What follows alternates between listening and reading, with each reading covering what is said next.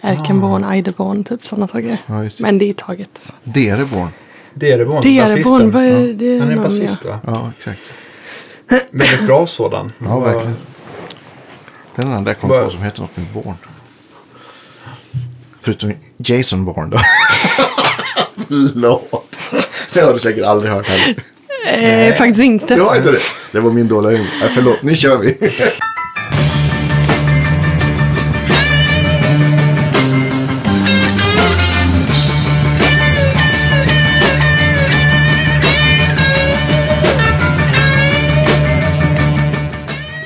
Det är, det är bara du som har så där dålig humor.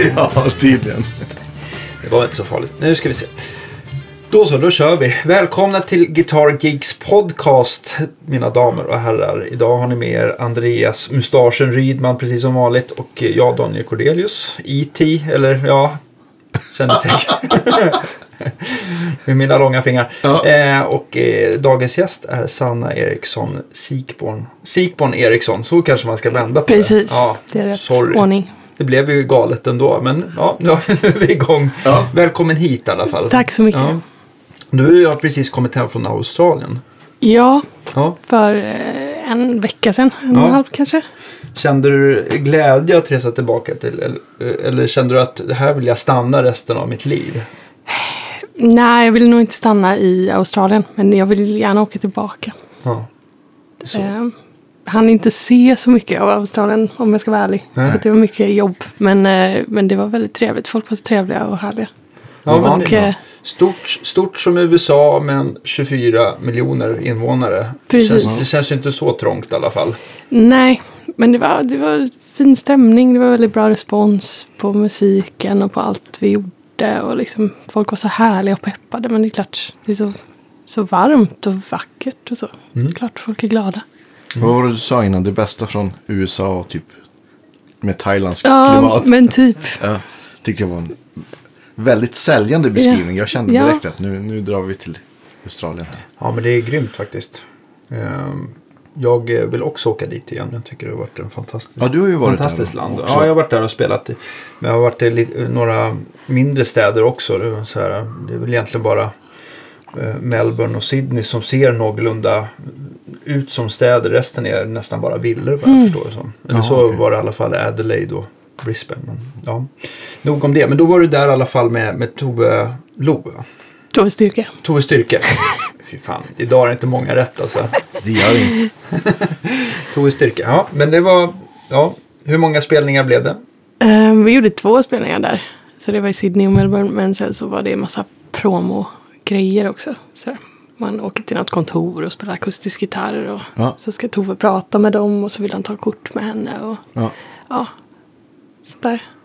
Relationer med. just det. ja. Hur länge har du spelat med henne? Eh, sen 2014, 2015. Ja, det Så är ganska länge. Men hon hade ett, eh, liksom paus också i typ ett år. Och gjorde sin nya skiva som kommer nu Just det. nästa fredag. Okej. Ehm, så då spelar vi inte så mycket. Så jag spelar med många andra. Men det har varit faktiskt Mm. mycket med Tove i perioder. Men är det fullt ös med henne framöver nu då? Så? Ja, det är det. Ehm, men nu är det, vi ska ju vara förband till eh, Katy Perry i Oj. Europa nu. Eh, I maj-juni. Oj, shit vad coolt. Ja, det, Men Då är det, då är det inte några småställen direkt nu. nej, det är sådana där små Globen och, Ja. och sånt där. Olympiahall i München typ. Ja, jag tror inte det var München men Berlin och Ja. liksom. Men vi gjorde ju en sån sväng med, med en som heter Lord i USA också Okej. nu i februari var det väl. Ehm, det är lite annat arenor. Aldrig spelat på det innan. Ja, det är stort.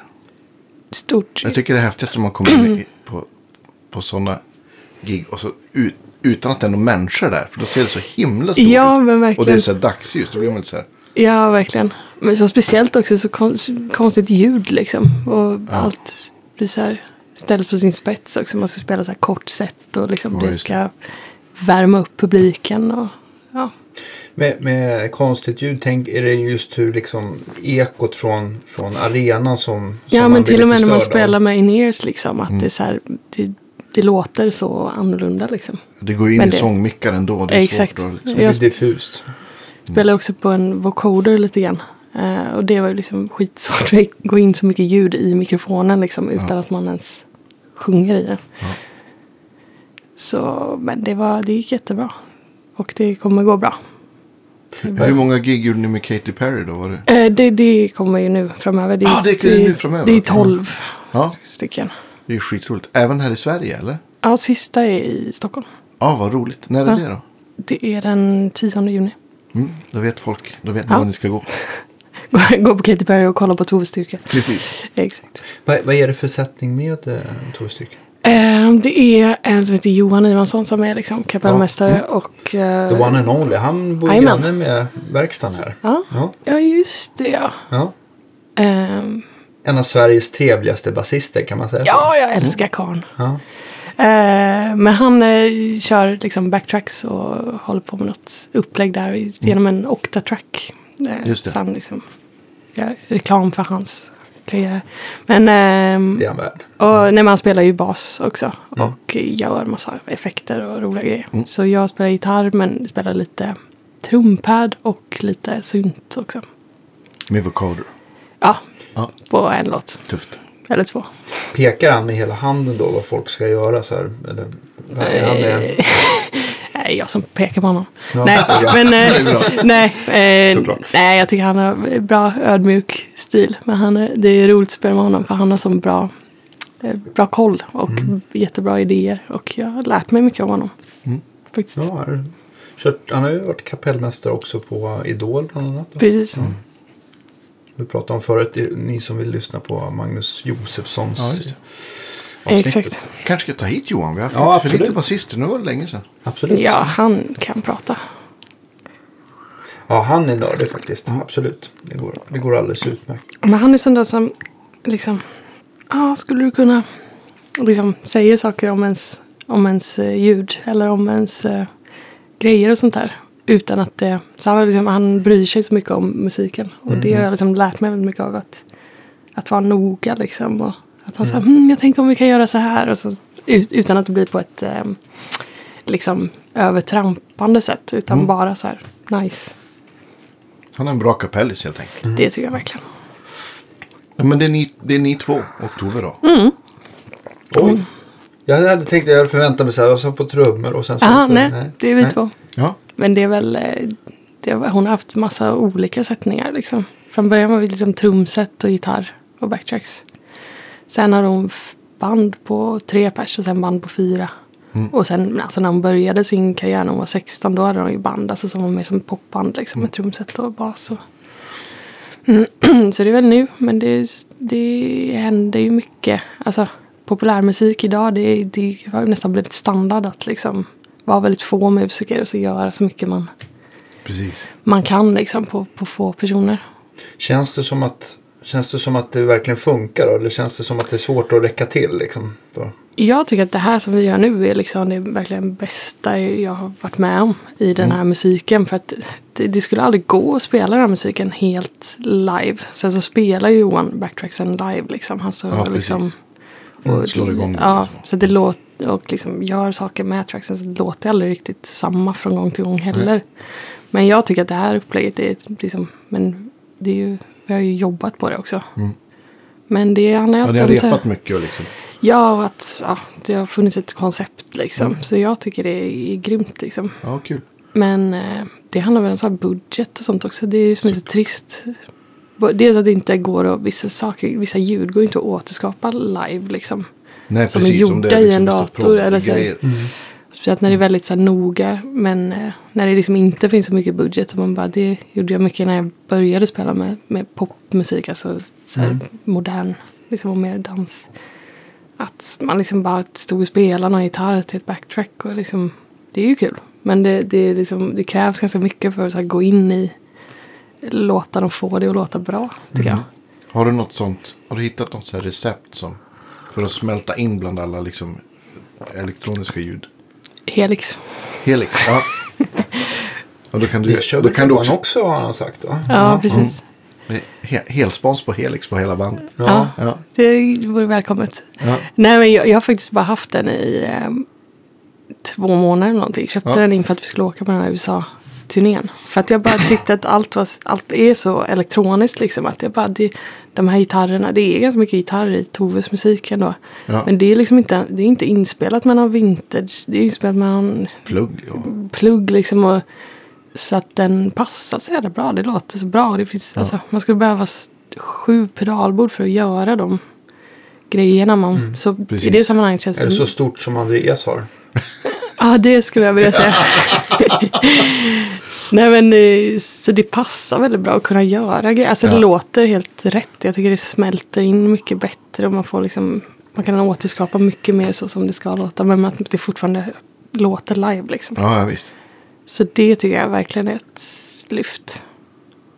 Har du fått då liksom så här stäms på gitarrer så att det är lättare liksom att planka Ja. ljuden och sådär? Ja, precis. För vissa, vissa är ju så himla...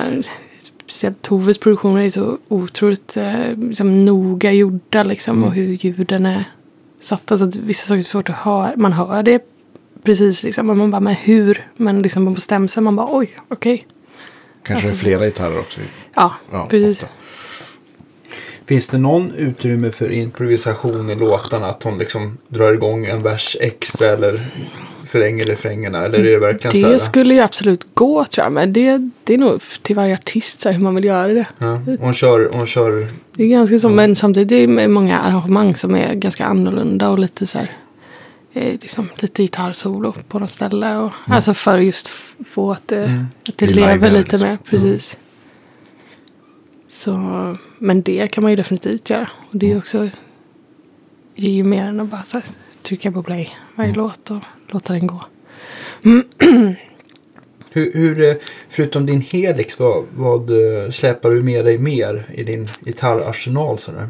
Ehm, ja, just nu eh, spelar jag väldigt mycket med det här. Så då har det varit, men annars har jag ett pedalbord, har stärkare. Mm. Liksom. Ehm, försöker eh, liksom, försöker egentligen ha så få saker som möjligt. Mm. Ehm, men det handlar ju om vad, vad man spelar med hela tiden och så. Men det som, det som jag har åkt, åkt med i flera år är ju liksom, jag vet inte, försöka ha egentligen så litet pedalbord som möjligt. Men, eh, ja, men jag har jag, ganska basic grejer, men saker som låter bra och liksom går att använda till mycket. Jag har tre eller fyra olika distar. Eh, Har du någon det- favorit sådär som alltid måste med? Alltså min enda pedal som typ alltid har varit med i hela mitt liv är, är Rattist. Ja, en klassiker. Klassiker. Um, haft några olika. Jag fick, fick mitt pedalbord stulet för två år sedan. Det, var, Nej. det var inte så kul. Det Vad tog lång tid. Eh, Det blev stulet ur en bil. Ja, klass. Blev det av med Eh. gitarrer också eller var det bara pedalbordet Nej, de, de tog allting som var i liksom hårda väskor. Och alla gitarrer då var... Jag hade tre gitarrer med mig. Men istället tog de en... eh, det enda som låg i liksom en hård väska. Och det var en sån här eh, H- Horner by Steinberg bas. Just det. Så jag Ja, bara yes, de tog ingen gitarr. Så köpte jag en ny sån. Ja. Eh, Men eh, nej men så jag... Ja, Tråkigt att bli av med grejer. ja det var inte kul. Det tog lång tid att liksom köpa tillbaka. Jag kan, tyvärr är så dyrt tror jag att det är så att, ja, men att det är liksom sådana liksom, proffs som man får kalla tjuvar för det. Men de vet väl kanske att gitarrer är lättare att spåra med serienummer och kanske svårare Kanske. att kränga än, än en pedal. Om det inte är något rare handmålat så är det ju bara. är Ja, liksom exakt. Inte, Exakt. är det ju inte värt, värt att försöka spåra. Precis. Men f- löste det sig med försäkringar och grejer då? Så att, Eh, åh, det var en lång historia. Nej, jag, det här var ett tag sedan så jag hade, nu har jag försäkrat Ja. varenda pinal jag äger liksom. Men då var det inte helt eh, bra på den fronten. Det, det, jag fick lite ersättning, men Ja. eh, Nu- ja, vad jobbigt alltså. Jag tänker så här, jag har alltid varit jättedålig på att försäkra mina grejer. Alltså gitarrer och sånt där. Men jag förstår att man vill eh, göra det när man har råkat ut för någonting. Men det, är oftast, det är oftast då man tar liksom steget att börja försäkra. Eh, har du gått via mu mus Musikerförbundet eller finns det Eh. något eh, försäkringsbolag som gladligen tar sig, tar sig an eh, instrument? För det är väl inte alla som gör det vad jag förstår.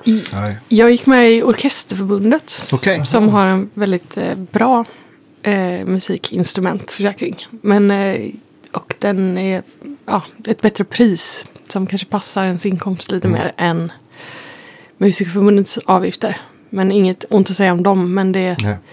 Ehm, skulle jag betala, ah, nej jag ska inte snacka ner det för de har ju jättebra service och sådär. Men det, det skulle i, det blir nästan som att om man räknar med att få en gitarr stulen om året så skulle det gå plus minus noll med att vara med. Alltså, när man har med, Ja, ja. Ja, det, det, är höga avgifter och jag förstår varför de har det men det, det blev liksom...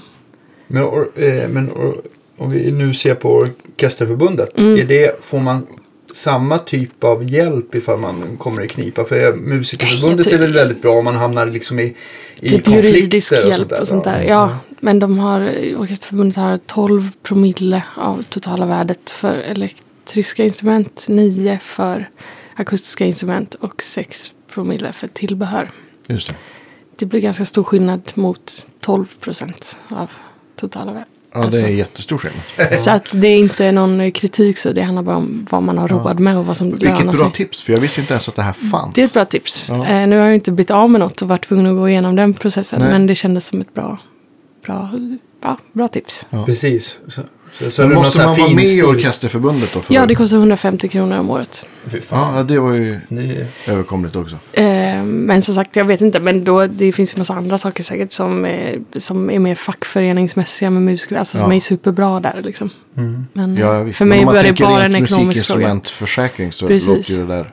Fast Den är jag- worldwide också. Fast Ja. jag tycker, nu känner jag Janne som är ordförande på Musikerförbundet och, och, eh, och önskar Musikerförbundet all lycka och välgång. Men, men eh, jag, tycker, jag tycker samtidigt om det finns sådana här bra alternativ så måste man ju ändå få, Ja, tycker jag, få um, slå ett slag för dem sådär. Ja, verkligen. Om, deras avgifter är för höga och det finns bättre alternativ. Jag menar, folk är inte...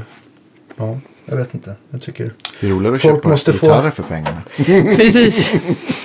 Nej, men det kanske finns andra lösningar. De kanske, de kanske får härma Orkesterförbundet lite mer där. då. Ja, jag vet Ja, inte. Som sagt. Ja. Mm. Men vad, vad hade du med dig för, för gitarr till Australien då?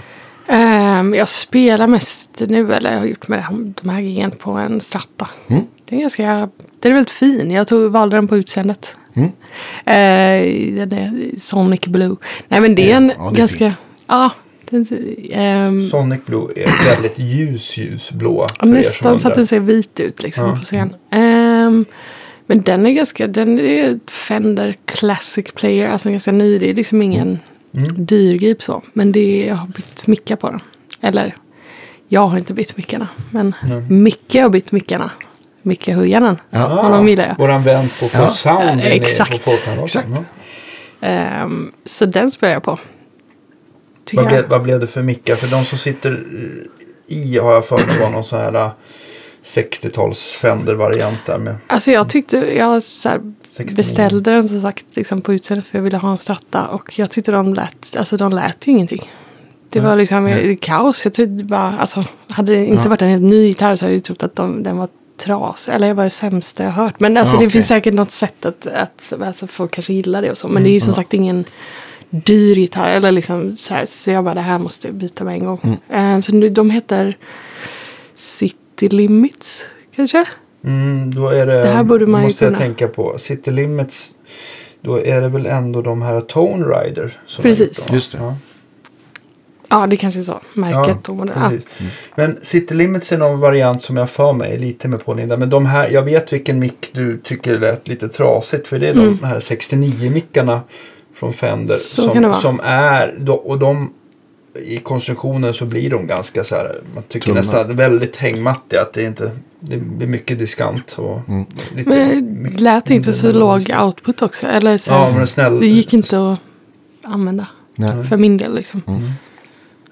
Ehm, men nu låter den kanon. Ja.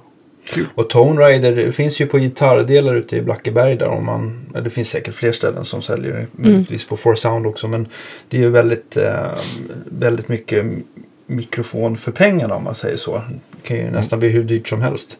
Men de där sätten är inte så farliga. Mm. Det är ju en djungel just gitarrmickar. Det finns ju så vansinnigt mycket. Ja, jag är inte så um, liksom, bevandrad egentligen. Jag bara Nej, tyckte jag att de... heller. Det låter gött. Ja, det är ju huvudsaken. Precis. Har du hittat någon så här favorit så här starka simulatorer som du kör i, i Helixen? Som du så här utgår ifrån när du gör ljud? Ehm, Eller, har, eller varierar du lite? Alltså jag har använt... Jag, jag har inte haft den där så länge. Ja. Och jag gjorde ganska samma setup på alla, alla ljud. För att det Ja. skulle ha liksom lite samma Ja, grund. Ja, men precis. Eh, precis. Men då, har jag, då är det AC30. Mm. Eh, men jag har också använt en sån här IR. Eh, vad heter det? Ja. Ja, En impulsrespons eh, eh, från Overhammer. Ja, just det. Eh, som jag fick av en... Eh, ja, fick skickat Ja. från en. Bara för, för när jag skulle liksom öppna den här, man bara, vad, vad ska man börja med liksom? Ska man sitta och gå igenom allting innan? Ja. Så det var lite så här tips, bara fick en preset och kolla liksom hur det var. Mm. Jaha, okej, så här gör man. Men det är ju otaliga möjligheter man har liksom. Ja, ja, visst. Men så det är bara börjat med. Men det kommer ju säkert vara en resa liksom. Ja. Menar, en sån där burk kan man ju pilla liksom. Det tar ju aldrig slut. Exakt. Har ni en Ja, jag sån? har kört XFX, det är ju lite Ja, just det. samma tänk liksom. Precis. I 12 år. Från Ah, till okej. Precis, men det är väl så här att man kan liksom köra alla effekter liksom i serie eller parallella Ja. alltså kedjor och massa saker. Som, alla olika håll. och sen så kan man adressera dem till olika outputs. Och, Precis. ja, det, det tar aldrig slut. Ja. Men jag, jag kommer på det också att det, näst, det känns mest logiskt att liksom utgå kanske från, från en, en stärk eller, eller kanske två om man ska Mm. för, en, en för renare och en för mer distade ljud. För jag tror att det skulle låta helt mongo om man bara hade så här olika, fyra olika stärkare per låt. Liksom. Det, Ja men lite så. Det blir så här. Men det kan ju vara grymt säkert för, alltså, för liksom, tv-gig eller alltså, Ja, sånt när folk ska göra väldigt olika grejer. Men det blir på ett och samma gig så kan det liksom. Ja, Ja, det, det, går, liksom att- det går ju att maxa på allt så himla mycket. Men det är jag, jag har ju liksom inte gått in i det mer än så. Men jag har fått mycket tips av Johan till exempel. Mm. Att, så här, och allt man kan göra att den har liksom fyra in och ut också. Ja. Så kan skicka till olika. Liksom. Ja, den har väl till och med loopar som man kan liksom Ja. sätta in. Alltså, Exakt. Så du man skulle kan ju ha ha din andra. rat Ja. med i en loop. Och Exakt. Liksom, En, också. eh, om, ja, om du precis. ville liksom. exakt. Ja, det är coolt.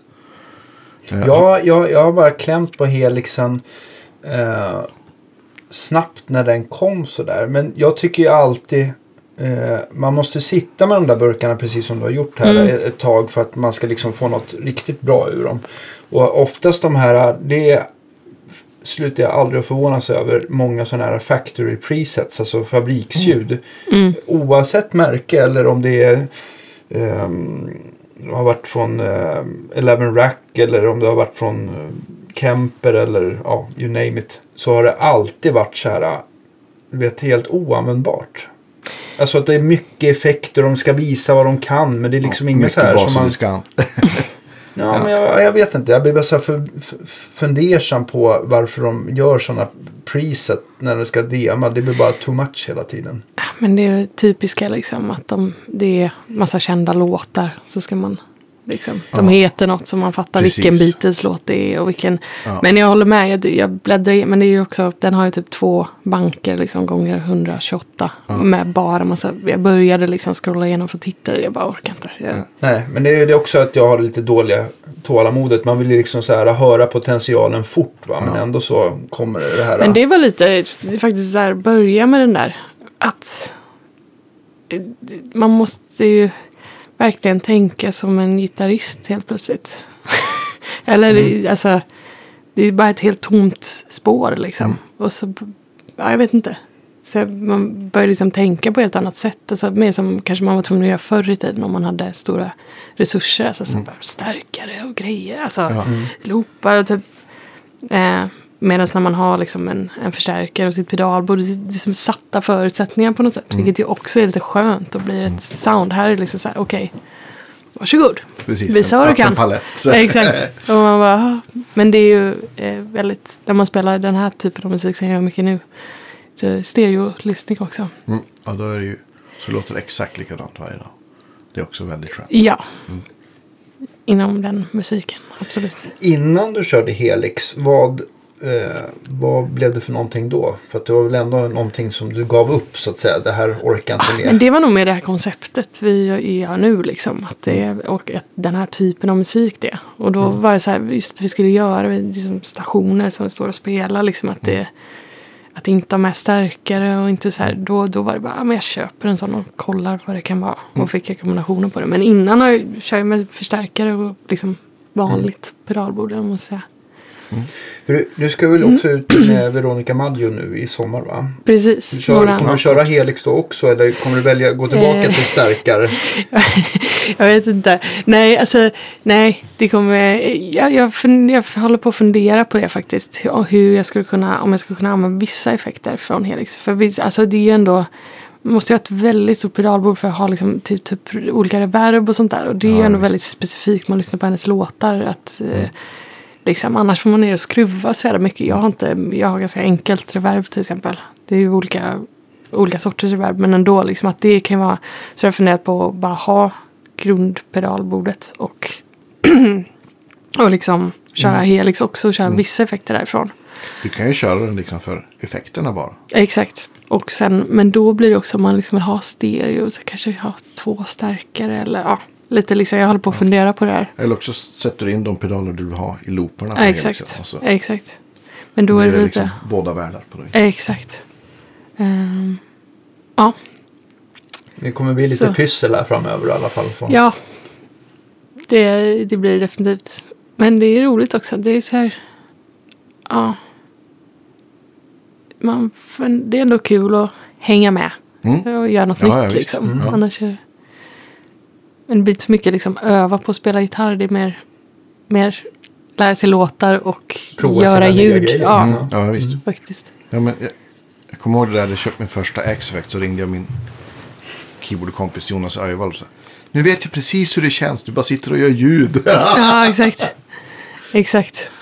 ja. Eh, Men, men med, med Tove har ni ju, det är ni två, det är du och Jonas, men jag misstänker att ni har med en, en ljudtekniker då kanske. precis. Ja. Eller, Och ljus också säkert. Ja, Ja. nu i Ja. sommar kom, är det ju det. Men på den här um, turnén med Lord så hade vi samma crew, eller på, på ljudmonitor och ljus som Run the Jewels. Som är Okej. hiphop. Mm. Legendarer typ, som sp- spelar också. Och de var snälla mot er. Supersnälla. Ja. Fantastiska. Och jätteduktiga. Så Mm. men annars är det ju såklart ljud och ljus med. Man har ju ändå varit på en hel del eh, konserter där man har hört eh, förbandet och så låter det eh, kast och det är ganska lite ljus och ser rätt tråkigt ut och sen så när huvudakten kliver på så blir det något helt annat. Liksom. Oh ja. Mm. Men jag, jag är övertygad, eller det, den respons vi har fått att, att det lät väldigt bra. Ja, bra. Men det är klart att man har mindre och så här får inte använda lika många lampor. Och, Nej. men jag tror det kanske är en gräns också hur stor artisten är. För jag tänker att om man är artist är väldigt känd, alltså typ Lord eller då är det, känns det mer bjussigt. Men om artisten är så här en mellannivå då är det mycket viktigare att göra skillnad. Så Ja, liksom precis. att Jag tror också att är så. ni ska inte ta någon plats. Eller, och, liksom. Mm. Går du ut på den där eh, Catwalken. catwalken då, då, då, Dör då, då dör strömmen. Exakt. Ja. Var, var, hur länge var ni i USA då? En månad ungefär. Ja, vad kul. Ja. Han du, han du se något? Eller var det Ja, mest men de här Days Off var ju mycket kanske i någon um, håla i Texas liksom. där Jaha, inget var öppet. Nej, men det var no några som var bra. Men, det, men samtidigt kul. Så här, det skulle man ju aldrig se annars. Nej. Liksom. Men jo, man ser ju jättemycket. Men det är inte så mycket tid på en sån dag. Eller kanske man går upp klockan sju och åker in till stan. Eller åker till någon sevärdhet. Men det, ja, jag vet inte. Jag är ganska... Jag gillar att sitta och glo typ. Så jag Ja. Perfekt. tycker det. Åkte ni buss då mycket? Eller? Ja, ja. precis. Men USA längtar du inte lika mycket tillbaka till som, som Jag längtar Australien. alltid till USA. Jag bo, Ja. bodde ju där ett tag också. Så jag Ja. liksom... Jaha, okej. jag- Pluggar äh, eller? Ja, precis. Var, var pluggar du då? I Los Angeles på MI. MI, ja. Så jag, liksom, jag, jag vill alltid åka till USA. Men nu har jag faktiskt fått privilegiet att eh, vara där mycket liksom, de senaste åren. ja. Det är kul. Så det är kul. MI, berätta hur, eh, hur... Var du där ett år eller var det längre tid? Ett år Ja. var jag där. Hur Eh, länge sedan är... Ja, bodde och bodde. Ja, jag bodde ett år. Eh, det var 2009, 2010. Mm. Ehm, då gick jag, jag gick på Musikhögskolan i Göteborg innan det. Mm. och så var jag så sjukt trött på det och Mm. trött på Göteborg. Så jag och min kompis som är basist sa att vi gör något, vi gör något kul. Mm. Och så bara sökte vi till den här skolan. Och vi visste liksom ingenting. Vi tänkte bara det blir grymt. Mm. Ehm, och det var jättebra. Mm. Tycker jag. Ehm, att gå där. Det är ju väldigt speciellt. Jag Lite tror en västkust mot en annan västkust. Precis. Med lite bättre precis. klimat. Men det var, det var jätte... Nej, eller första, första man kom, det var ju väldigt konstigt där, liksom var intagningsprovet. Spela ett, en valfri skala i ett valfritt tempo. Typ. Alltså, Var det så typ så här insortering i nivåer? Typ, ja, men jag menar, du kan ju dels be någon annan spela in det. Alltså det är ju ingen... Ja, man, skulle betal- spela in det och skicka Ja, men jag menar, det, valfritt tempo, valfri skala. Jag menar, alltså, det var liksom... eh, men så kom man dit så fick man göra det. Men jag minns första lektionen man hade och då tyckte jag och min kompis liksom att ja, vi har liksom gått och pluggat jazz. Så här, vi, typ, inte, inte så här stöddigt men ändå man tänkte man kan musikteori och så här redan. Eh, men så kommer man så sitter man ju liksom 30 gitarrister i ett rum utan förstärkare med notställ. Och så är läraren på en liten scen och liksom har pedalbord och så bara drar ut saker i P8. Och Jag bara, jag måste ha mina pengar tillbaka, det här är helt sjukt liksom. Man har varit i Sverige och haft så individuell lektion med en lärare. Alltså och liksom ska uttrycka sig och vara med Ja, ja, konst. Alltså där var det ju mer så här, träningsläger. Ja, visst. Så de liksom satt på metronom och så bara, då spelar vi C-dur-skala över hela halsen. Och jag bara, ah, fy fan, det här är, vad är det här liksom? Bara att sen bara öka tempot, typ, okej då tar vi dess dur och sen tar vi alla fyrtonsarpeggion i bla bla bla. Alltså, Och så insåg man att så, här, så sjukt mycket sånt där hantverks, alltså som bara är typ träning. Mm, ja, eh, som inte är så konstnärligt som man bara har missat för att i svensk utbildning så är det som ungefär så här. Ja, du har kommit in på skolan, nu ska du bli jättebra. Mm, precis. Det finns fördelar också med, jag tror inte alla skulle uppskatta det, men jag tyckte det var bra. Det så fyllde massa luckor man hade. Ja, visst. Och blev mycket be- mer liksom bekväm med instrumentet. Och sen var det, ju- så hade man ju individuella lektioner och liksom kunde spela massa folk. Och, Men där kan man väl också så här välja lite vad man vill göra. precis, så jag valde ju jättekonstiga saker. Faktiskt. Berätta. Nej, men jag, nej, inte så konstigt kanske. Men eh, jag, eh, alltså jag var så trött också på liksom, eh, så här, utbildning i Sverige. Att det fanns, idag finns det mycket mer alternativ. Men när jag började på musikskolan så liksom jazzlinje och liksom Göteborgs profil var också ganska så här, spelade mycket fritt och Ja, liksom just lite så här. Och så jag bara, nej nu ska jag åka till USA och bara välja så här poppiga grejer. Så jag gick typ eh, så här, slap-gitarrkurs gick jag. Ja. Eh, och eh, shred-gitarr A. Fick A+. Men det var bara för jag... Slapgitarr, var det Jude Gold? Ja, precis. Ja, han har ju en fantastisk podcast för övrigt. Ja, Som heter No Guitar is Ja, Safe. För er som har exakt. missat. Ja. den är grym. Ehm, nej men så här shred-gitarr, jag fick liksom A plus i kursen för att jag var där varje gång. Men det var också så här, de satte på en långsam metronom och bara nu gör vi det här sweeping. Och man bara ah, okej, så, så satte de på den i liksom 150 och så bara nu gör alla det. Alltså, jag minns ingenting men det var... Ja. Men jag tog någon guitar maintenance, var bra också. Ja. Få lite så här koll på sånt. Men sen det ironiska blev att jag liksom spelade ganska mycket jazz ändå. För Mm. att jag liksom hittade... Och jammade med folk och sådär. Liksom. Ja, och jag hade en lärare som spelade. Så helt plötsligt tyckte jag att det var ganska kul också. Ja. Eh, när det var det jag ville liksom bort ifrån. Men så det var... Men sen jag spelade med jättekonstiga band. Alltså, folk bildade så konstiga band på den här skolan. Hade konstiga spelningar och man hade inte med sig några grejer. Så, ja, det var, det var mycket. Men liksom, Hade du någon så favoritlärare då du var där? Ja men typ alla. Men ja, alltså jag, en... Eh, han som jag hade som individuell lärare hette Ken Rosser. Jättefantastisk person. Eh, och gitarrist. Och eh, också Ross Bolton. Rest in peace. Eh, så, som gitarrist med Al Jarreau. Men han har ja, gått bort nu.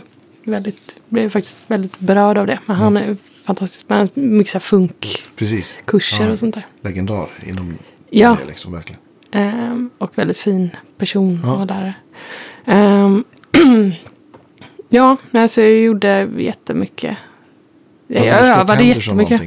Nej, han har liksom inga kurser utan Ah, han har okej. bara sån här open counseling som alla Ah, okej. lärarna har. Så man kunde gå till ett eh, rum då, så var den här läraren där. Men hans var det alltid liksom jättemycket folk. Men ibland kunde man liksom hugga honom när det var när det inte var någon där. Men Ja. då var alltså det är så få kvinnor som går på den här skolan. Så att Ja. jag tror lärarna tycker liksom det är så kul när det kommer någon som inte typ ska fråga. Så att han ville mer så här visa bilder på sin dotter och sina hundar och, så, och liksom prata med mig typ. Så det var kanske inte så mycket att vi spelade. Men han var, var trevlig. Ja, han är också en sån här legend. Han, är, han var med i podden här för. Ja men just det. Och han har ju undervisat där sedan ja, men, mitten på 80-talet. Mm. Liksom. Så han är också så här. Han liksom hör till huset på något vis. Verkligen. Nej, men jag tror när den skolan bildades, eller vad man säger, då, då var det ju liksom, det är så många otroligt grymma gitarrister som har kommit därifrån. Och lärarna är Ja, också just. legendarer. Men sen när det sålts till ett japanskt företag, så, så att idag, jag menar, vem som helst kommer ju in där. Mm, bara du betalar liksom. Precis. Så att Det det är är ju lite- väldigt många som man tänker så här, ja, kanske inte kommer bli musiker och så, men det, det finns något lite fint med det. För liksom, i Sverige och andra länder så kan det bli väldigt elitistiskt också. Mm. Liksom, Där var det mer, man inte vara orolig för att vara, vara kass liksom, på någonting. Alla för alla med. Mm. är polare liksom, och Ja, alla visst. går samma kurs och sådär. Men sen finns det ju de som blir beasts liksom, av att Mm. där också. Men för mig var det liksom jättenyttigt så här, och Mm. bara övade skitmycket. Jag har aldrig övat så mycket i mitt liv. Liksom. Ja, kul. Va, men vad, är du från västkusten? Jag är från Göteborg. Du är från Göteborg? Så. Jag är chockerad att du inte har det. Men jag Ja, kanske... ja, men, ja, men ja, du, skulle, för jag kan liksom inte, du hade kunnat sagt att du var från Uddevalla. Ja, sig. jag kan liksom inte detektera Fattar. västkustdialekten så noga. Uddevalla? Ja. Nej, jag skojar. Min mamma är från Uddevalla. Ja, men, ja. Se, vad bra gissat. Ja. Nej, men hur började du spela liksom så här? Vad, vad, vad var det som drog dig till gitarren liksom? Jag... ehm, alltså jag vet inte men jag tror det är något konstigt liksom. Men jag... Alltså... Jag har typ velat spela gitarr sedan jag var barn. Alltså typ... Jag, men jag... Liksom, jag hade inga så förebilder riktigt. Så att jag trodde typ så här. Det gör man på tv liksom. Spela gitarr. Så här, men att folk hade liksom en nylonsträngad hemma och så här, min pappa hade den. Men jag, typ, det var inte det coola, jag ville spela elgitarr. Men jag, typ, hade, liksom, jag kände ingen som hade en elgitarr hemma. Så jag trodde liksom inte... Så jag började spela piano när jag var sex sju år. Eh, men sen liksom började jag ändå spela på den här nylonsträngade och liksom lärde mig själv och märkte bara det här, det här gick ju mycket lättare. Liksom. Men, men jag spelade piano länge också. Men så då började jag bara bli fanatisk på det liksom. Men jag tänkte på det. Jag tänkte för jag lyssnade på Jonas Isaksson. Ja, Ja. Eh, hans avsnitt. Det var ett väldigt bra avsnitt Ja. tycker jag för er som har Ja, det. underbart. Ehm, men jag, då, då tänkte jag på att så här, jag tror liksom att han haft en stor inverkan på att jag spelar gitarr. Ja. För att, för att, inte som att mina föräldrar var så fan, men vi hade liksom The Look och eh, Joyride på kassettband. ja, just det. Och det är så grymma gitarrer på det. Så jag Ja, älskade det verkligen. liksom. Och det Ja. lyssnade jag på när jag var liksom fem år. Nej, men Ja. alltså jätteliten.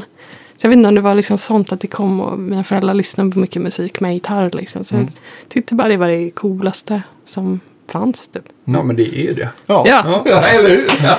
Det är därför vi är här. Nej men och sen så, så fattade jag att man kunde, så köpte min pappa en, en elgitarr liksom. Att man kunde liksom spela det. Så då liksom lärde jag mig och då tog jag lite lektioner och sen så gick jag på musikgymnasium. Och, eller jag gick på högstadiet också, så här, musiklinje. Så det var liksom, I Göteborg då eller? precis. Eh, men jag kommer ihåg, alltså jag har bara alltid tyckt att det är så fantastiskt med gitarrer. Ja. Alltså när liksom internet kom. då fanns det ju inget kul att göra på internet. Eller det- ansiktsburk kom efter ett tag. Men det var liksom. ehm, men då satt jag och googlade bilder på gitarrer. Och sparade på dator. Typ. Det är Det kul. gick jättelångsamt. Men liksom så här, bara för att jag tyckte det var så eh, nice. Ja. Men hade du, jag kommer ihåg så här, jag fick någon, någon eh, gitarrbok eh, bok av min morbror Henrik. Och liksom, jag bläddrade i den givetvis och så fick jag se en, någon bild på en svart Les Paul Custom. Mm. Och jag, tyckte, jag tycker fortfarande det kanske är en av de snyggaste gitarrerna som någonsin har gjorts och sådär. Men var Mm. det, hade du, när du spelade, sparade ner där på datorn, var det någon så här, en sån där måste jag bara ha? Jag vet inte men jag tror. Alltså sen var det så här Jimi Hendrix också. Det tyckte jag det var ju liksom så jäkla coolt. Ja. Så jag, min liksom första sen, riktiga gitarr var som en vit stratta. Så det Ja, var, Ja. Och den har jag kvar fortfarande. Eh, men det var nog eh, vad som helst i princip jag googlade. Du är Inte liksom hårdrocksgitarrer, det har aldrig liksom varit min Ja. eh, grej. Floyd. Rose och, eh, och aktiva mickar. Nej, Nej. inte. Genomgående hals. Eh, ja, Men Hendrix är alltså stratta, det är väl det man alltid faller tillbaka till. Ja, det är ju lite Känner jag själv i alla fall. Ja. ja men jag har ju alltid varit strattakille när jag har spelat tele mest de senaste nästan Mm. fem åren. Men, ja, men stratta är ju lite öde gitarr. Det går Mm. ju liksom att göra det mesta på.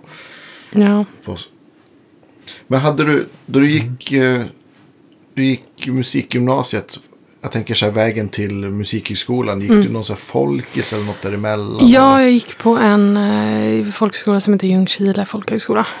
Eh, I ett år bara, mellan där. Eh, men där gjorde jag liksom inte så mycket alls. Jag låg i soffan, jag gick ju på lektionerna men jag Tog låg... med dig soffan till lektionen. Nej, men jag låg i soffan där på det här boendet och kollade på Kanal 5 dokumentärer. Och, Men då spelade jag med ett band jättemycket i Göteborg också. Vi Okej. satsade väldigt mycket på det. Så jag liksom åkte till Göteborg hela tiden Ja, och det det spelade. och, ja, precis. Så vi Vad var det för något då? Var det Det är ett band som heter Markovic. Ja. Som var, popband typ? Eller? ja, precis. Så liksom, det var inte så. Men sen så kom jag ändå in på, på musikhögskolan. Men det var på liksom, gitarrlärarlinjen. Hur mycket hade ni att göra med Markovic?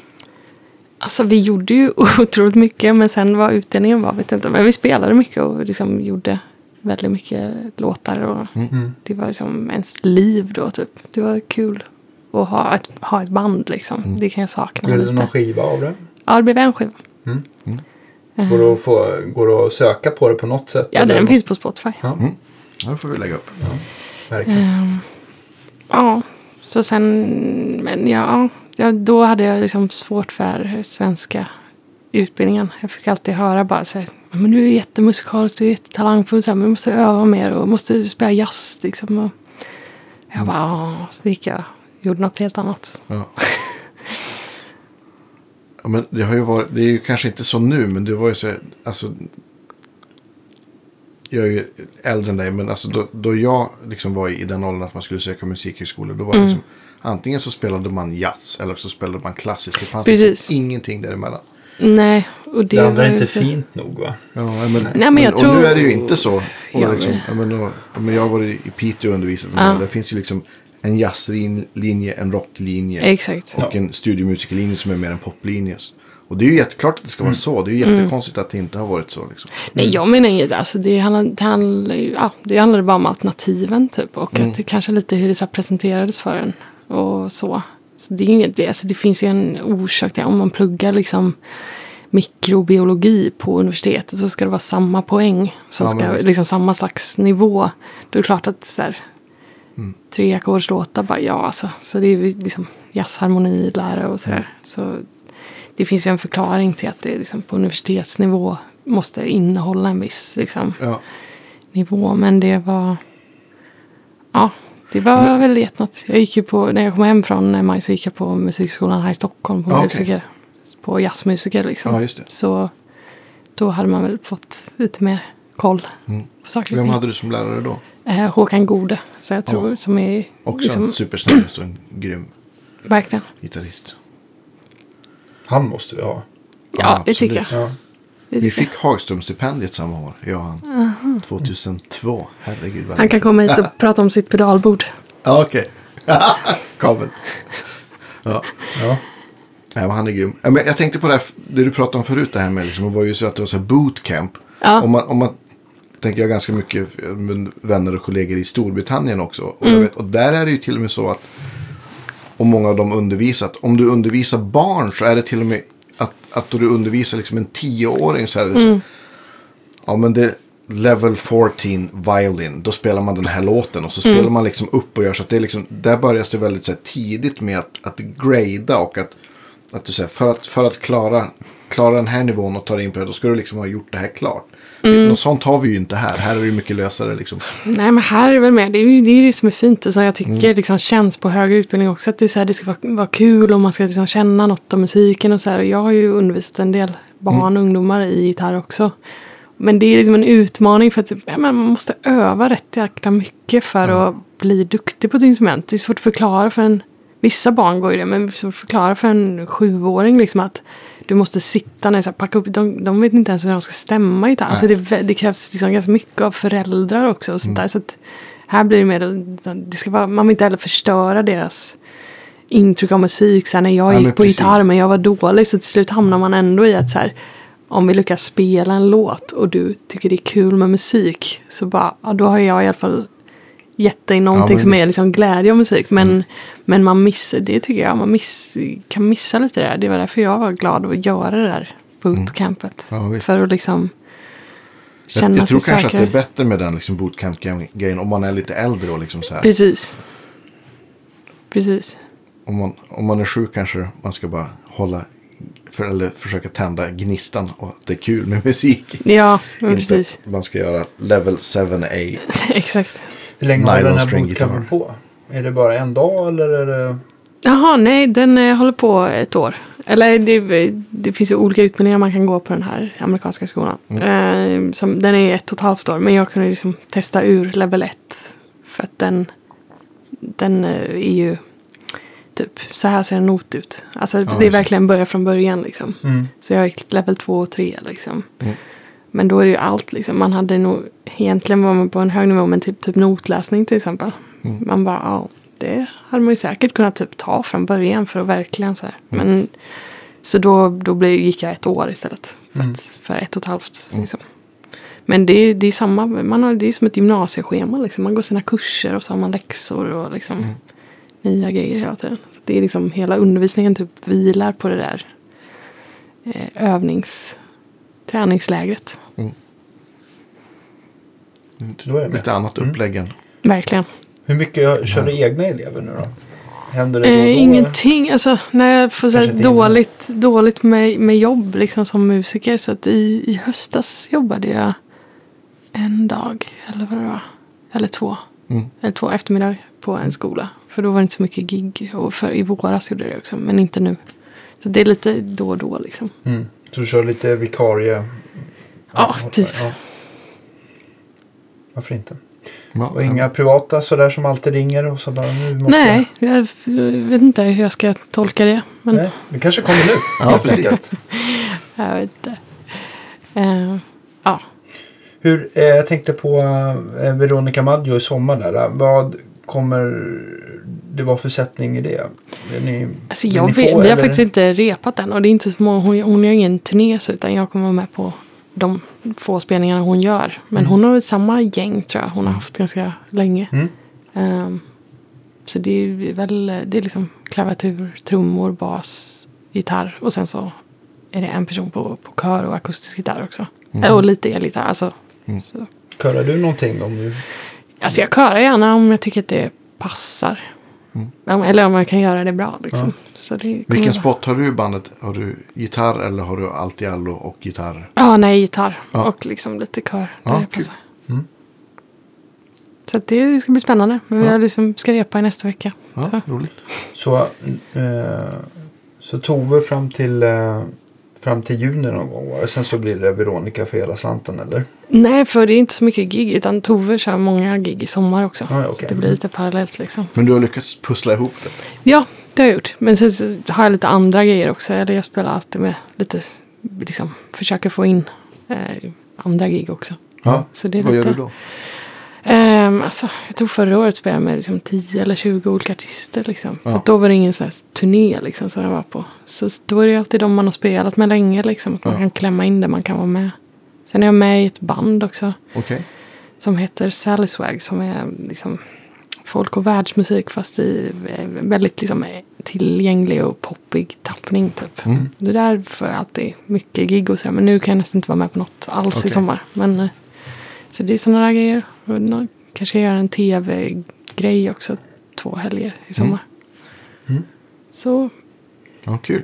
Vet du hur ös. hösten ser ut? nej, faktiskt inte. Alltså, eller jag har några erbjudanden typ. Och så får man se lite. Men det också med Tove till exempel beror på hur det går nu på hennes skiva. Och Mm. ehm, vad som händer. Det är den Det kan ju bli utland och sånt också. Det Mm. vet man inte liksom. frilanscharmen. Ja, precis. Men det är, det är faktiskt skönt att ha något som är ganska mycket med. För att det blir så otroligt mycket när man ska liksom spela med Så många olika. Så Hålla jättemånga. 10-20 repertoarer i. Exakt. Det, Så det är lite Jobbigt. skönt nu faktiskt. Mm. ja, kul. Ja, men det låter som att du har, har fullt upp.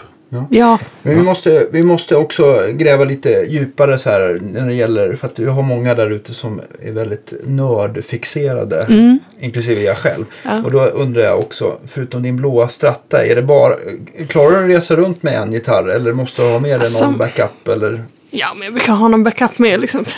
Det- Alltså, det beror på vad det är för. Men jag har ju kanske 14 gitarrer tror jag. Ja, Ehm, men det beror liksom så mycket på vad man spelar med. Om det ens finns utrymme eller liksom, om det ens finns så tid under ett set när man spelar med vissa spelare. Att ja. byta och typ vad det gör för skillnad. Men jag har ju en till Stratte, jag har en Jaguar, en Jazzmaster. En 335 spelade jag jättemycket på förr. Men använder den nästan inte alls nu på gig och sådär. Ehm, nu har- har jag, ska jag använda en Tele Custom som jag har. Som är typ enda vintage-gitarren jag har. eh, Från 74. Mm. Ehm, tung eller lätt? jättelätt och Ja. jättebra och fin. Grattis! Tack. Det kan ju vara fruktansvärda Jag fick leta ganska länge faktiskt. Eh, efter den. Köpte i USA. Ehm, så jag har, jag har en massa olika. Men det är den med det stora fina plektrumskyddet, fyra Precis. rattar och, eh, Och stora där. handbackar. Ja, precis. Ja. Ehm, så ja, Väldigt snygg gitarr. ja Mm. verkligen. Men det, ja, de, det finns så många dåliga ex. Så att jag åkte och provade med massa liksom. Och jättetunga och typ vissa gick inte stämma. Och, alltså, Men den här Var köpte du den någonstans? Eh, jag köpte den i Hollywood av en så här samlare. Liksom. Alltså som köper och säljer. Ah, okej. Så. Hur nosade du rätt på den då? Eller såg du någon Jag hittade den på? Ebay. Okej. Och, och liksom, så och åkte dit så att jag fick pröva den. Mm. Ja, schysst. Så den kommer jag använda nu också. Tänkte jag. Mm. Har du lätt att hoppa mellan olika gitarrmodeller eller känns det alltid så här? Ehm, ja, men de som jag har har ju lätt att göra det. Men jag är ju väldigt... Um, ja, alla gitarrer är väldigt uh, justerade. Så tycker jag i alla fall så att de är väldigt lätta att spela på. Jag ser liksom ingen... Förutom det är som att spela slide eller något. Alltså, eh, ja, men jag liksom... ser ingen, ingen vits med att inte ha det så. Så, att, så att då blir det också, men det kan vara lite, så att spela på Jazzmästaren igår. Det är klart det blir lite annorlunda i början liksom. Och, och soundmässigt att man liksom tänka lite annorlunda. Men ja, men ganska lätt ändå. Men- sitter du och pillar mycket själv med instrumenten eller är- ser du till att är det höjarna som, får, som du håller sysselsatt? Ja, Ja, eh, ja men han är så bra tycker jag. ja verkligen. Det blir, en trevlig blir, blick. ja, men Ja. det blir så bra. Det blir precis som jag vill ha det. Ja. Ehm, nej men jag, jag är lite glad att kunna, alltså jag kan inte så mycket så men det är ändå, det har jag alltid tänkt så här bara, jag tycker, fan man måste kunna lite grann och justera sina Mm. egna grejer eller liksom annars står man ju, är man helt handfallen Ja, så det kan vara kul men Det kan ju vara bra om man, ja, men som du reser mycket så kommer du till ett helt annat klimat. Kan det vara bra inte ja men precis. att kunna spänna eller släppa lite på hal- en hals.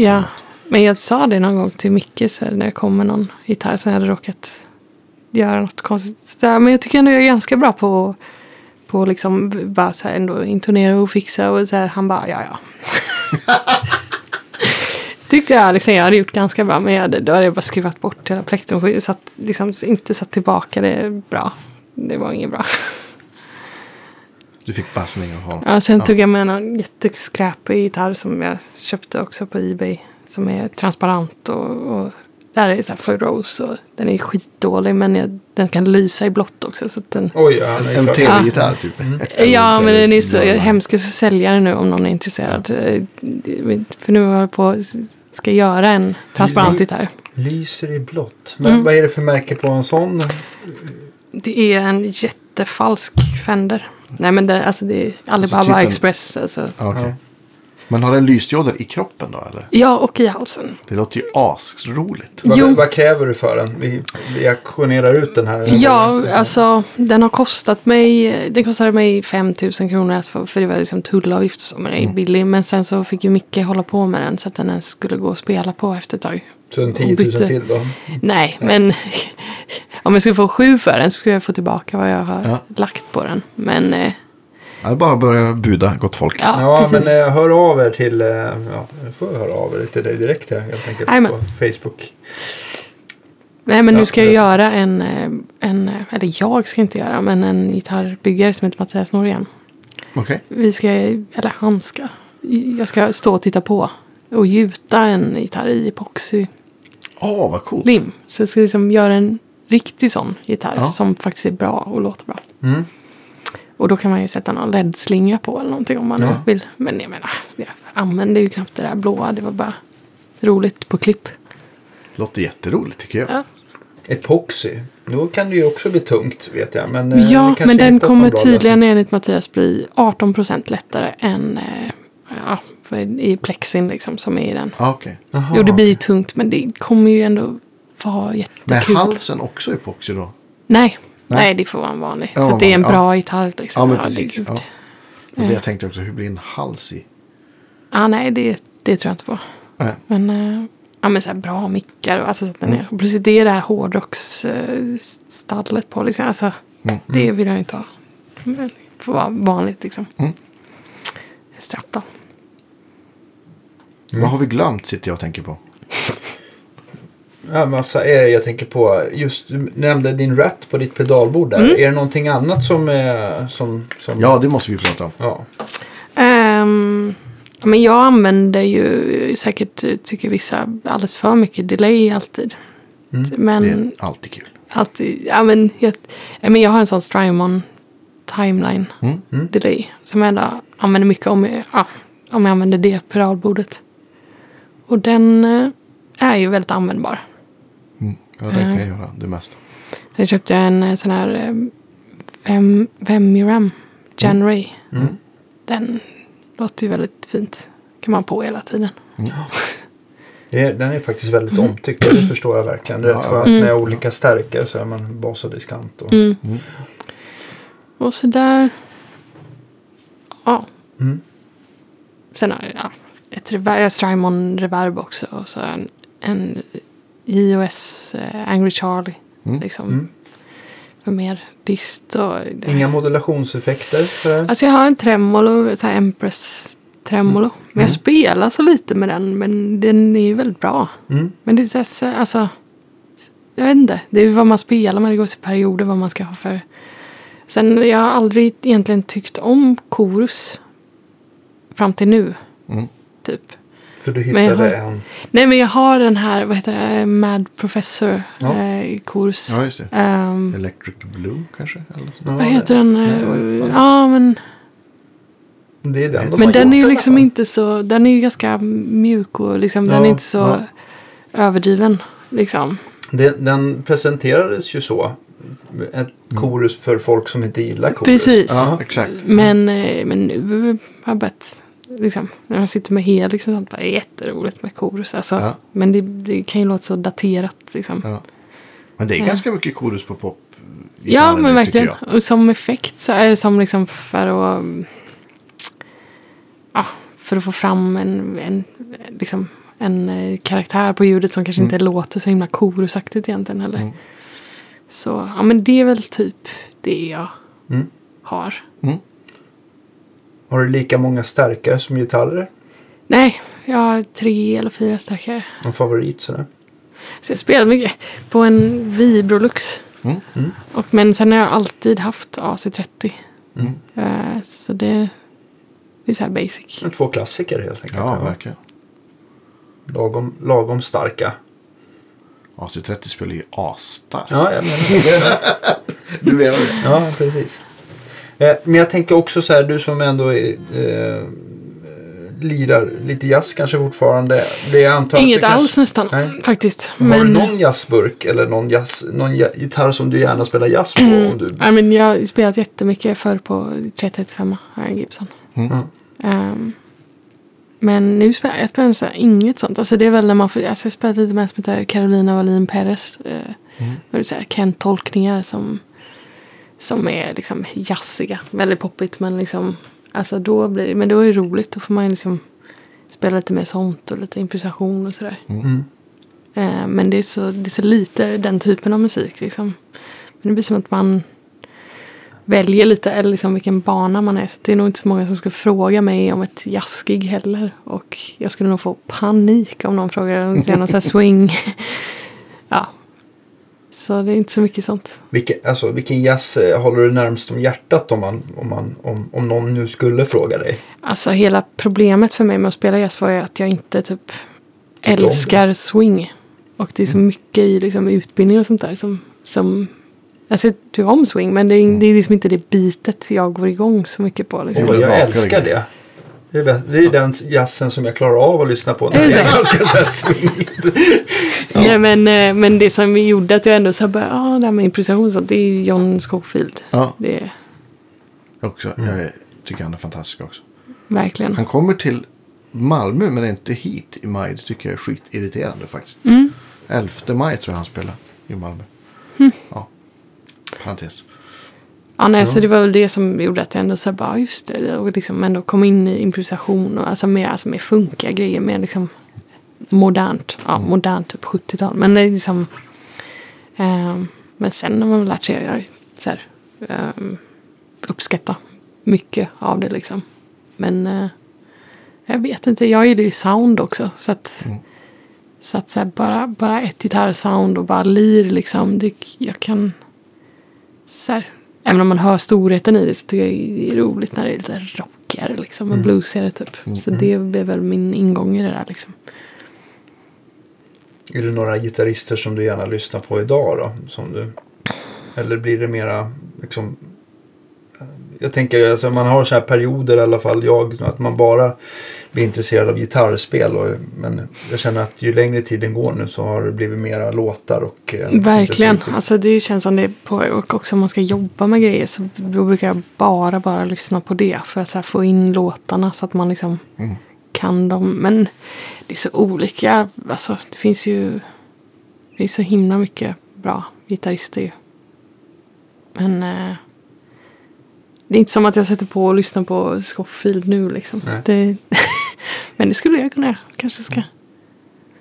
Revival, Scofield Revival. Exakt.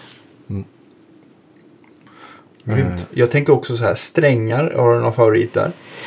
Alltså, jag är inte så kräsen faktiskt. Jag har, men jag har liksom eh, Fender-strängar. Eller så här, jag har en, en bra deal med Fender. Mm, Så då ja. liksom, men Dario.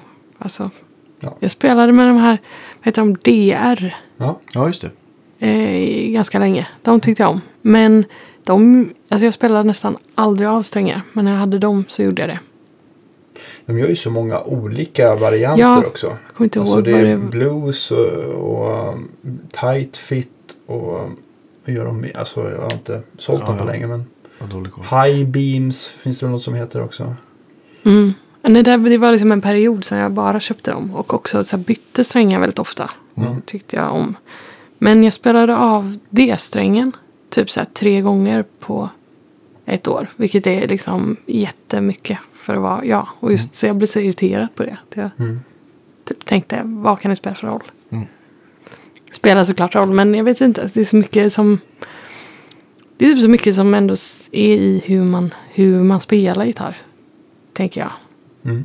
Och så mycket som ändå, all, liksom, ljudet ska ändå gå så en himla lång. Så det är klart det är jätteroligt att så här, göra saker som låter väldigt fint och så här, men bara det ska ändå igenom så många, liksom, det ska ut ett jättestort PA, det ska typ så det är klart att göra grejer för, för att man gillar det själv och för när man ska sitta och spela själv men eller det ska ut i en mp3 liksom i, i Spotify, alltså så, så jag, det är så här det är bra att ha en balans på att kunna så här, göra något bra med ganska liksom ganska små medel typ och inte vara så nördig tänker jag. Men sen för en själv är det ju är det ju nice. Om man bara ska sitta och njuta av det man spelar själv. Men Ja, hur ofta gör man det? Alldeles för sällan kanske. Ja, faktiskt. Hur är Acke-fronten då? Det släpper du på lite grann. Mm. Någonting. Jag tycker om att spela eh, akustiskt där väldigt mycket. Mm. Och har gjort det mycket. Eller jag skriver, gör ju egen musik och så här. Då, då är det mycket Mm. akustiskt. Eller var det mycket när jag... Eh, jag har en eh, Gibson SJ 100. Mm. Och en eh, Guild FJ 30. Heter den? Så det är så här två jumbo Ja, precis. Stora. size. Eh, det är inte alla som gillar hur de låter. Men jag älskar det. Mm. Ja, det är kul med all den här fylliga basen som, Ja, som de levererar. Eh, Det är väl att det är just att det här vid inspelning att det är många som får skära bort den basen Mm. just då. Men Nej, men jag, jag har liksom alltid, jag, fick det, eller jag köpte den här Guild-gitarren. Jag bara, det här är världens grymmaste gitarr. Men den ska nog sälja också. Tror jag. Mhm. jag har haft svårt att göra mig av med den bara. Men eh, jag har också en, alltså så här, Fender Paramount-gitarr. Mm. Som är, den är så liten och enkel. Jag tycker ändå den är ganska, ganska nice. Den är så här billig, men den är också bra. perfekta resegitarren kanske. Exakt. Hade du med något till Australien eller spesade du gitarr? Nej, då fick jag en hemsk Gibson-gitarr som var inhyrd. Jag tyckte inte om den. Ja, det där kan vara hemskt. Ja, det är så känsligt med... med alla gitarrer tycker jag är jobbigt när man får låna någon, Eller liksom hur de är liksom justerade och sånt där. Men då, det var någon så här Gibson, så här, rätt, inte superdyr, men liksom en så här kvalitetsgitarr. Det var liksom inget, inget sound. Så här. Och då är det inte för att jag jämför med jumbo size gitarrer, men bara den var inget bra. Nej. Ett tråkigt ex. Men det, jag tycker faktiskt Gibson har ju, eh, det har ju varit verkligen skiftande för de, de så här gitarrer som kanske var mer från 90-talet eller eh, för flera, som gjorda för flera år sedan. De har varit väldigt stumma och tråkiga. Det är flest, mest de här sista fem, sju, åtta åren som jag tycker att de har liksom kommit tillbaka lite och blivit lite briljanta och Mm. mysiga igen. Sådär. Men eh, de var lite stum, stumma och trötta ett tag så det kanske var någon sån Ja, men Honda typ. 6 du fick där. Men, Berätta mer om din, din egen musik. Ja, Ja, eh, när kommer soloskivan? eh, jag har släppt en skiva. Va? Eh, ja. Nice. Ehm, för typ två, tre år sedan. Men den skivan heter 2008. Så det är, låt, det är en skiva som blev klar 2008. Men så tyckte jag att det var liksom de som gillade den och så här, tyckte liksom, varför kan man inte lyssna på den? Så då liksom släppte jag den. Eh, så att den finns på Spotify och så här. Ehm, men den är ju liksom, det är ju mitt så här 23-åriga jag. Och låtar jag hade liksom skrivit kanske sedan jag var 18 och så här. Så det, men jag har gjort en skiva som är, den är färdig och den ska mastras bara. Ja. Och kanske några, men den blev liksom klar typ ett, två år sedan. Så den måste jag ju släppa, alltså jag måste släppa den i år. Inte för att det, är liksom, det är inte det viktiga för mig liksom, vad det får för reach och sådär. Men för att jag har gjort massa nya låtar också. Precis. Så att jag liksom, ja. Men min egen Du kommer i musik. fas med... Ja, Vad blir det för, för stuk på dem? Eller, Eh, ja men det är mer det är liksom singer-songwriter-musik kan man säga. Mm. Dem? Du och en akustisk gitarr. ja, första skivan där så var det mycket akustiskt och väldigt så här. Det, det är tydliga influenser liksom från olika håll. Och så här. Men sen den andra som jag gjort är ju. Det är inte lika mycket så här acke och liksom. Det är lite sam. Det är mer elgitarr och, och lite. Men samma stuk. Men det är väl det jag liksom. Är det med band också sådär? Mm, jag spelar typ nä- nästan allt själv förutom trumset. Det är liksom svårt. Ehm, och liksom om det är så här, ja, det är så här kongas på någon låt, det kan inte jag spela.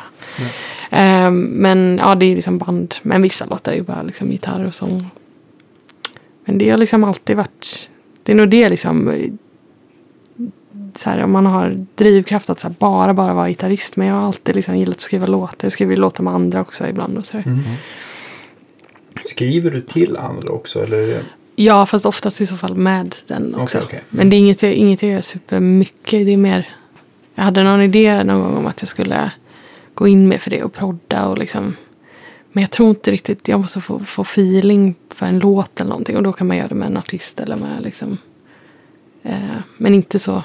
Och typ mina låtar som jag gör skulle, tror jag inte... Det skulle kännas konstigt att någon annan skulle sjunga dem liksom. Mm.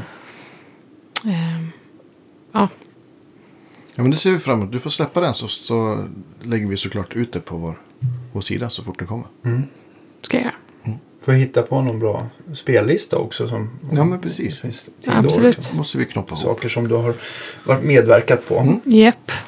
Tycker jag. Och, och eh, sen så alltid våran eh, återkommande fråga. Det är ju det här eh, att det brinner hemma. Och eventuella katter och allting är safe. Och inga, inga levande varelser. Men du måste plocka en gitarr som inte får brinna inne.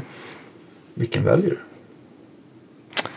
Alltså, på ett sätt så kanske så här, min första gitarr och min första så här, stratta, det är ändå det är väldigt fint att ha kvar den. Mm. Men den är ju ingen dyr eller någonting, det är ganska bra. Men Mm. eh, Men affektionsvärdet är... ja, men den är ju den som är mest, alltså jag tycker inte så mycket om saker generellt. Jag skulle helst vilja leva helt utan saker. Eller så att allt man har är så här utbytbart. Att man liksom, så vissa instrument är också så här, det är inte så himla sentimentalt. Men vissa gitarrer man kanske har, den här 335 jag har, att man har liksom spelat så himla mycket på. är också kul att liksom ha kvar. Men den dyraste är nog den här telen. Så det kanske man skulle... Eller så lämnar man den så får man bra försäkringspengar. Kan du Ja, köpa, leta rätt på en ny? Så. Exakt, exakt. Något som gärna får brinna in i den här eventuella gitarren vi ska sälja nu. På, Den kan få... Den tror jag brinner rätt bra också om det är plast. Ja, Det var hemskt att prata om brinnande gitarr. Ja. Det ska väl inte, så ska det inte bli. Så jag tänkte, du som har varit ute och rest så himla mycket. Har du haft tur med, med gitarrer som har, att de inte har gått sönder och sådär? Eller, eller, försöker, eller försöker du alltid liksom få in dem i kabinen? Eller hur går du tillväga? alltså jag brukar eh, ibland liksom ta en, en gitarr, liksom den som jag är mest rädd om, och ta med i en mjukväska. Och liksom inte ha något annat handbagage. Och så tänker de, nu kommer det en liten tjej som ska, ska spela. Och så, ja, ja, du får ta med den så har den som handbagage. Men sen får man alltid checka in grejer. Det är bara hoppas på det bästa. Men det brukar funka det där, liksom, så kan man gråta lite om de inte vill. liksom. Har du lätt till gråt? Absolut inte, men i de situationerna är det något, är det något, det är något som kickar in som liksom så här, man, den tar ju, det är bara att den är lång liksom, den väger, kolla vad alla andra har med sig liksom. Men det är också lite, sen när man ska resa, det är skönare att ha grejer i riktiga caser och så här, men om det varit på budget och sånt där också. Men också att då vet man, då har man det med sig liksom. Men jag har faktiskt inte varit med om några eh, olyckor alls. Men jag brukar sätta också eh, på akustisk gitarr. För det är, det, det är lite mer känsligt än här planka.